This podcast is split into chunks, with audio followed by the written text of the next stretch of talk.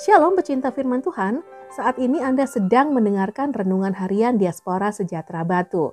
Pembacaan Alkitab hari ini dari kitab Imamat pasal 9 ayat 1 sampai 24. Imamat pasal 9. Para imam menerima jabatannya. Pada hari yang ke-8, Musa memanggil Harun serta anak-anaknya dan para tua-tua Israel, lalu berkatalah ia kepada Harun, Ambillah bagimu sendiri seekor lembu muda, untuk korban penghapus dosa, dan seekor domba jantan untuk korban bakaran. Kedua-duanya yang tidak bercela, kemudian persembahkanlah itu di hadapan Tuhan. Dan kepada orang Israel haruslah engkau berkata begini, Ambillah seekor kambing jantan untuk korban penghapus dosa, dan seekor anak lembu, dan seekor domba, masing-masing berumur setahun dan yang tidak bercela untuk korban bakaran.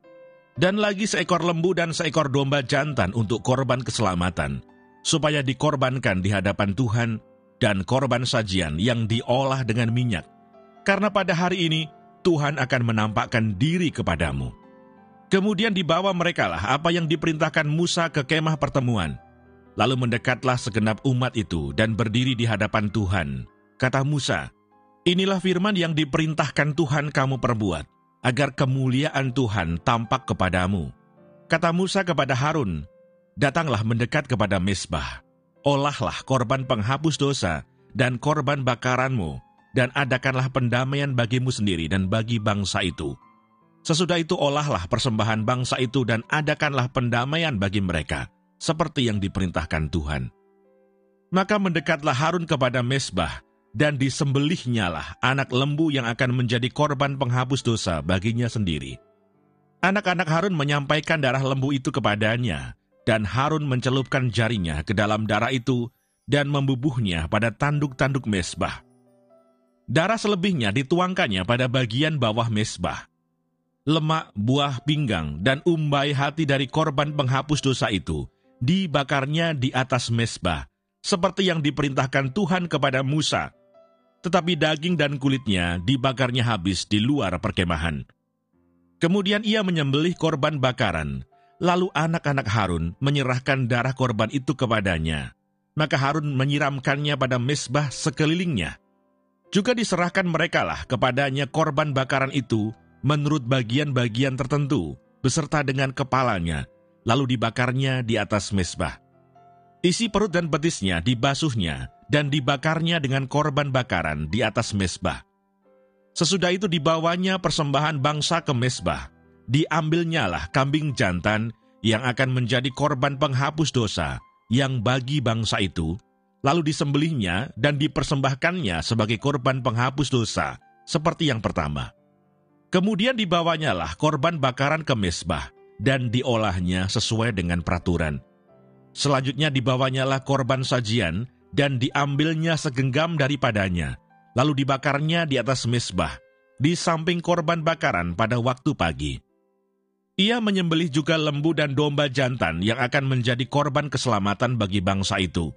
Lalu anak-anak Harun menyerahkan darah korban itu kepadanya. Maka Harun menyiramkannya pada mesbah sekelilingnya.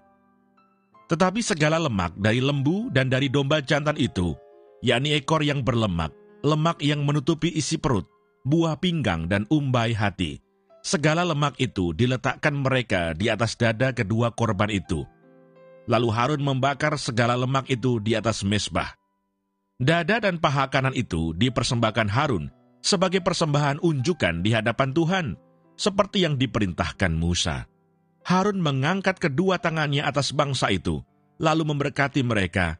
Kemudian turunlah ia setelah mempersembahkan korban penghapus dosa, korban bakaran, dan korban keselamatan. Masuklah Musa dan Harun ke dalam kemah pertemuan. Setelah keluar, mereka memberkati bangsa itu. Lalu tampaklah kemuliaan Tuhan kepada segenap bangsa itu. Dan keluarlah api dari hadapan Tuhan, lalu menghanguskan korban bakaran dan segala lemak di atas mesbah. Tatkala seluruh bangsa itu melihatnya, bersorak-sorailah mereka, lalu sujud menyembah. Ayat Mas hari ini dari kitab Imamat pasal 9 ayat 6. Kata Musa, inilah firman yang diperintahkan Tuhan kamu perbuat agar kemuliaan Tuhan nampak kepadamu. Imamat 9 ayat 6. Renungan hari ini berjudul Perkenanan Tuhan. Sebagai orang pilihan Allah yang telah dilantik Musa untuk melakukan tugas menjaga kekudusan umat Israel, maka Harun harus mendapatkan perkenanan dari Allah. Harun harus melakukan beberapa ritual yang dimulai dengan mengadakan persembahan korban penyucian bagi dirinya sendiri pada ayat 8 sampai 11. Selanjutnya Harun harus melakukan persembahan korban bakaran bagi anak-anaknya ayat 12 sampai 14.